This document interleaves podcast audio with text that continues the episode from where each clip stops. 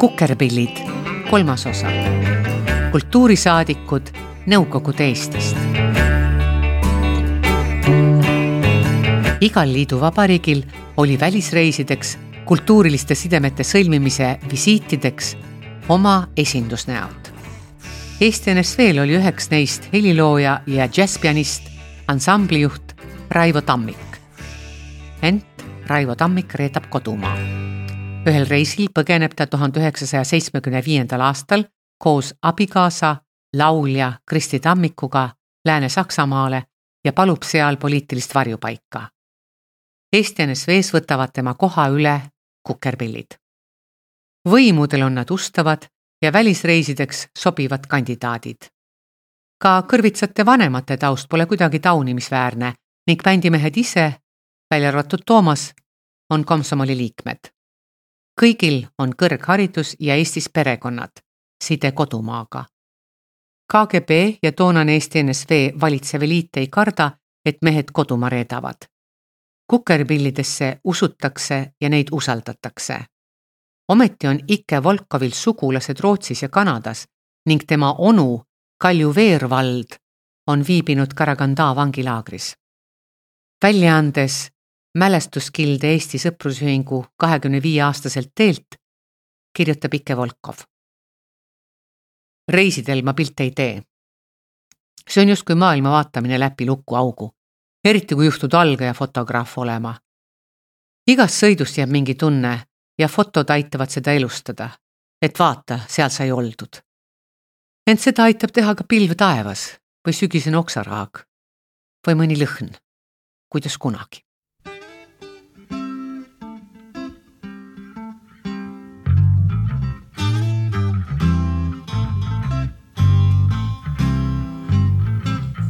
Üle elumaantee kummub helkiv taevavõlv. oma musta varju saatel astub inimpõlv. et Nõukogude ajal reisile pääseda, tuli kõigepealt saada iseloomustussoovitus töölt koos lühikese eluloo kirjeldusega. selles pidi seisma moraalselt kindel, poliitiliselt haritud ja riigile ustav. alla pidi kirjutama töökoha partorg ja kõrgeim ülemus soovituse pidi viima komsomoli keskkomiteesse või Eesti NSV Sõprusühingusse, oleneb, kumb organisatsioon parajasti reisi korraldab. lisaks iseloomustusele tuleb meestel enne reise täita ankeet. muuhulgas on seal küsimus, kus olid sõja ajal teie vanemad? Toomase ja Tiidu vanemad, Harri ja Leida, viibisid Volga jõe ääres Jaroslavlis ja käisid nii rindel kui ka tagalas esinemas. Ike isa Leonid Volkov oli evakueeritud Venemaale, lahingutes ei osalenud, ent teenis aega Punaarmees. just viimane võib olla põhjuseks, miks Ike ikkagi reisile pääseb. ma käisin hiljuti Riigiarhiivis oma väljasõidutoimikuga tutvumas. sinna juurde oli pandud KGB lehed, kus oli kirjas omab sugulasi välismaal ja peab kirjavahetust, selgitab Volkov. mida aeg edasi, seda vähem on toimikusse sissekandeid tehtud põhjuseks ilmselt see, et Ike on reisidel hästi käitunud ja nagu kord ja kohus kodumaale naasnud. kukerpillid peavad reisideks kinnitama repertuaari, milles on kohustuslik ka mõni venekeelne lugu.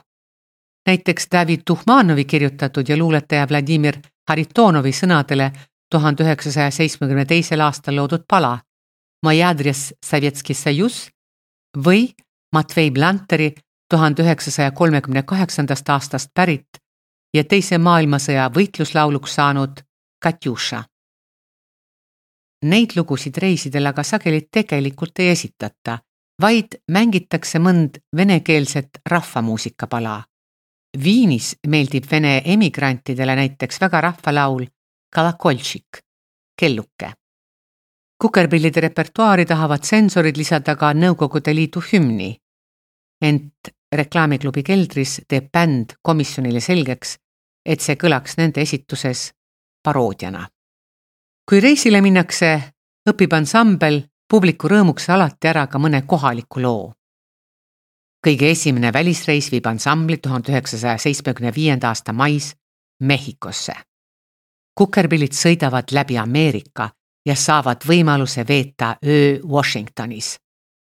midagi sellist ei oleks osanud noored muusikud veel aasta varem ette kujutada. kukrid näevad oma silmaga maiade iidset linna Teotihuacani, sealseid püramiide ja rahvuspühade paraadi. iga nurga peal mängib Mariaki ansambel, kellelt saab tellida lugusid. Mariaki, see on kohalik Mehhiko muusika, mille traditsioon ulatub kaheksateistkümnendasse sajandisse. loomulikult vaimustab kogetav bändimeestest folkmuusika sõpru ja tekitab positiivse kultuurishoki. Kukerpillid peavad reisidel osa võtma paljudest konverentsidest ja kuulama sadu kõnesid, mis kõik kohalikku keelde tõlgitakse. nii on see ka Mehhikos. Neil pikkadel tundidel jäävad mehed lugematutes saalides istudes nii mõnigi kord tukkuma. reisil antakse igale delegatsiooni liikmele päevarahaks vaid üksteist dollarit. Mehhikos on Nõukogude Liidu delegatsioonil kaasas ka kosmonaut, kes on avalikkusele tundmatu, kuid kohalike silmis eksootiline vaatamisväärsus. kukrid tassivad Mehhikosse ka oma isikliku regenti võimenduse. esimene kontsert peab toimuma pargis. lülitasime võimud sisse ja sealt ei kostunud mitte muhvigi, meenutab Toomas Kõrvits. selgub, et elektrivoolu pinge on kohapeal sada kümme volti mitte kakssada kakskümmend nagu tavaliselt. oma võimude kaasavedamine sinna oli täitsa hullumeelne, muigab Tiit Kõrvits. Ike Volkovile tuleb esimese emotsioonina Mehhikost meelde lõunamaa lõhnabukett, milles on oma osa bensiinivingul. veel oli tortiljalõhn.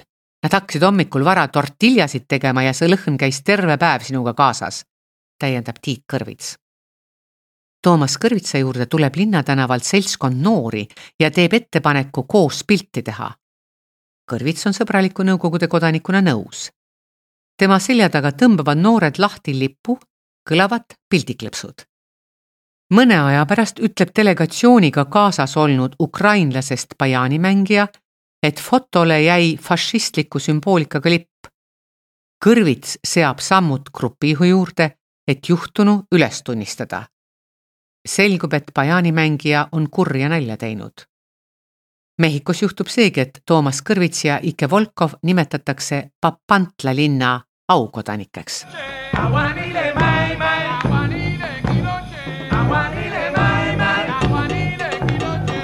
Kuubale sõidavad kukerpillid Nõukogude Liidu delegatsiooni koosseisus väljumisega Leningradist NSV Liidu ookeanilaevaga Šota Rustaveli, mis kannab muistse Gruusia poeedi nime ja mille pardal on ligi seitsesada reisijat. laeval esinevad õhtuti Moskva Suure Teatri kordebaletitantsijad ja tsirkuseartistid. üles tuleb järgemööda astuda kõigil kollektiividel. reisijate nimekirjas on nii Toomas kui ka Tiit Harjevitš Kõrvitsad, mõlemad lühendiga TH. enne reisi tekib segadus ja üks neist tõmmatakse nimistust maha Ikke selgitab olukorda ühele ENSV komsomoli funktsionäärile, kuid viimane ei julge Moskvasse helistada. Ikke helistab ise. lõpuks asi laheneb ja Toomas saadetakse Moskvast Kuubale lennukiga. üldjuhul välismaalasi teenindaval laeval valitseb Nõukogude inimesele tavatu luksus. supelda saab basseinides, kehtib oma raha.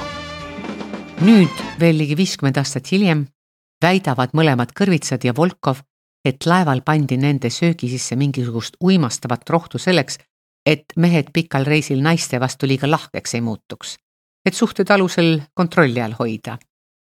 kõik see kõlab ebausutavalt, just nii nagu tänapäeval kõlavad vandenõuteooriad. seda rohtu hakati meile juba seal Moskva ettevalmistavas laagris sisse söötma. jäin tekil magama ja sattusin päikesepõletusega laeva hospidali pärast oli kaks aastat käejälg kõhu peal. seda, et pulbrit pannakse, ütles haiglaarst. see rohi mõjutab inimese erootikakeskust, räägib Ikke Volkov. tundmatu rohi muutis mehed uimasemaks. alles pärast Kuubalt lahkumist hakati tagasiteel Volkovi sõnul koguseid järk-järgult vähendama. ilusaid tüdrukuid oli laeval palju, eliitballetitantsijad, naisansamblid ja nende kenad liikmed sa vaatasid neid ja mingisuguseidki vallatud mõtteid ei tekkinud. magasid ka veel kakskümmend tundi järjest.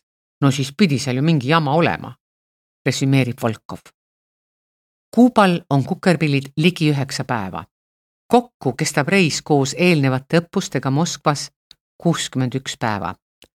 õppused tähendavad pidevat ideoloogilist instrueerimist, sest võimud peavad olema kindlad, et välismaale pääsenud kultuurisaadikud on korralikud Nõukogude kodanikud ja ei lähe kapitalistide õnge. Kuubal olid noored üle maailma, ka seal võisid tekkida provokatsioonid, selgitab Volkov. reisi ajal tuhande üheksasaja seitsmekümne kaheksanda aasta augustis toimub Havannas ülemaailmne noorsooüliõpilasfestival, millel osalevad Nõukogude Liidu liikmesriikide delegatsioonide liikmed. Kukerpillid esindavad Baltikumi ja esitavad laulu Aissa. pärast meid tulid lavale grusiinid või armeenlased. etteaste oli neil kinžaalid hammaste vahel. selle eeskava peale hüppas üks suur ihukaitsja Fideli vennale Raul Castrole ette ja varjas ta oma kehaga. kaukaaslased lahkusid või suunati kiiresti saalist välja. meie aga saime maitsta pidurooga meenutab Ikke Volkov. Tiit Kõrvitsale on reis väsitav. Juhtub see, et ta jääb Havanna peatänaval magama. taas paelub meeste tähelepanu kohalik muusika. mind hämmastas, et tänaval mänginud kohalikel orkestritel olid Ida-Saksa võimendid, aga need kõlasid nii kuradi hästi. täiesti arusaamatu, kuidas see neil õnnestus, arutleb Tiit Kõrvits. aastakümneid hiljem sain ma aru Need on ju kuubalased ja see on nende muusika, mis kõlabki peaaegu alati ehedalt. Tiit ja Toomas Kõrvits meenutavad ühest dokfilmist kõlanud sõnu, mille järgi Kuuba muusika on nagu kohv piimaga. seal on sees nii must kui ka valge. ehk siis esindatud on mõlemad rassid ja muidugi suhkur, temperament, mis ühendab ja mis on Kuuba oma Tiit kohtab festivali lõpuõhtul džässbändi Irakere. muusikuid, kellest on paljude muusikasõprade jaoks tänaseks saanud legendid. Bändi ühe liikmega vahetab ta särgi. pärast sain kodus sõimata, et mis läbihigistatud neegrisärk sul kaasas on, tunnistab ta. saja meetri kauguselt näeb Tiit ka Fidel Castrot ennast. Toomasel oli tollal suur habe ja teda peeti Fidel Castro vennaks ta oli seal lugupeetud isik, lõõbib Ike Volkov. tagasi Kuubalt sõidetakse üle Vahemere Mustale merele ja randutakse Odessas. Türgist nähakse vaid Istanbuli kallast ja suurt silda. kukerpillide Portugali reis saab teoks ajal, mil Brežnev sureb. on aasta tuhat üheksasada kaheksakümmend kaks reisi eesmärk on kohalike valimiste mõjutamine. on vaja, et vasakpoolsed saaksid võimalikult palju hääli ning selleks pannakse kokku grupp Nõukogude Eesti kultuurisaadikuid. Rühma kuuluvad nii Fiks kui ka Kukerpillid, rahvatantsijad ja ooperisolistid. delegatsioon sõidab mööda läänerannikut ja esineb valimistega seotud üritustel. kaasas on teiste seas ka laulja Silvi Vrait, balletitantsija Kaie Kõrb ja akordionist Henn Rebane. iga päev on mõnes linnas kontsert. kukerpillide kohaliku laulu valik läheb seekord Käkkesse. bänd esitab pala oliivipuu oksakesest.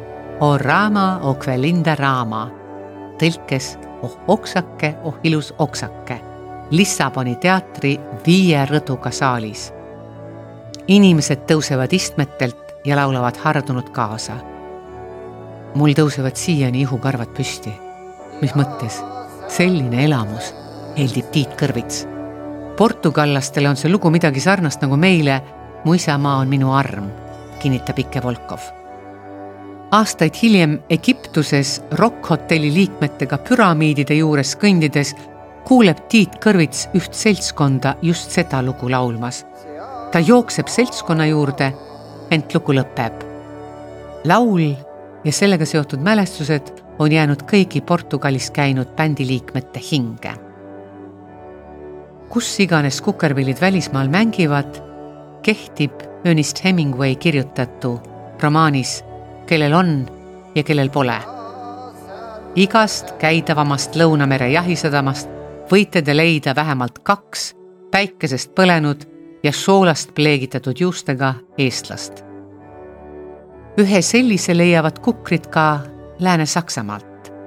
see tagasihoidlik härra tuleb Berliinis ansambli liikmete juurde ja poetab veidi arglikult. Ma olen Jüri Estam, kas ma tohiksin teiega rääkida? just, Estam viib kukerpillid külla Arvo Pärdile, kes tollal Lääne-Berliinis elab. kuna Nõukogude Liidus pole saada viiulipoogna jõhve, ostab Pärt need kukerpillide viiuldajale Tõnu Raadikule tihti oligi nii, et üks kohalik eestlane hiilis pärast kontserdi lava taha ja tahtis meiega rääkida. see kõik oli alati väga põnev, meenutab Toomas Kõrvits. tagantjärele ei pea Tiit Kõrvits reisidelt saadud kultuurishokke siiski millekski väga ootamatuks. tänu Soome televisioonile me välismaa asjadest ikkagi veidi teadsime, leiab ta. kodumaale naastes ja Eestis tantsuõhtutel mängides saab Kukerpillide kontserdi üheks osaks reisimuljete tutvustus koos diapositiivide, reisijuttude ja muu sinna juurde kuuluvaga. Reisidele raudse eesriide taha ju tollal nende tantsuõhtute publik peaaegu kunagi ei pääsenud. tekst Janno Sõõbin, luges Anu Lamp, helikujundus Janek Murd kasutatud muusika Kukerpillid. Levila kaks tuhat kakskümmend üks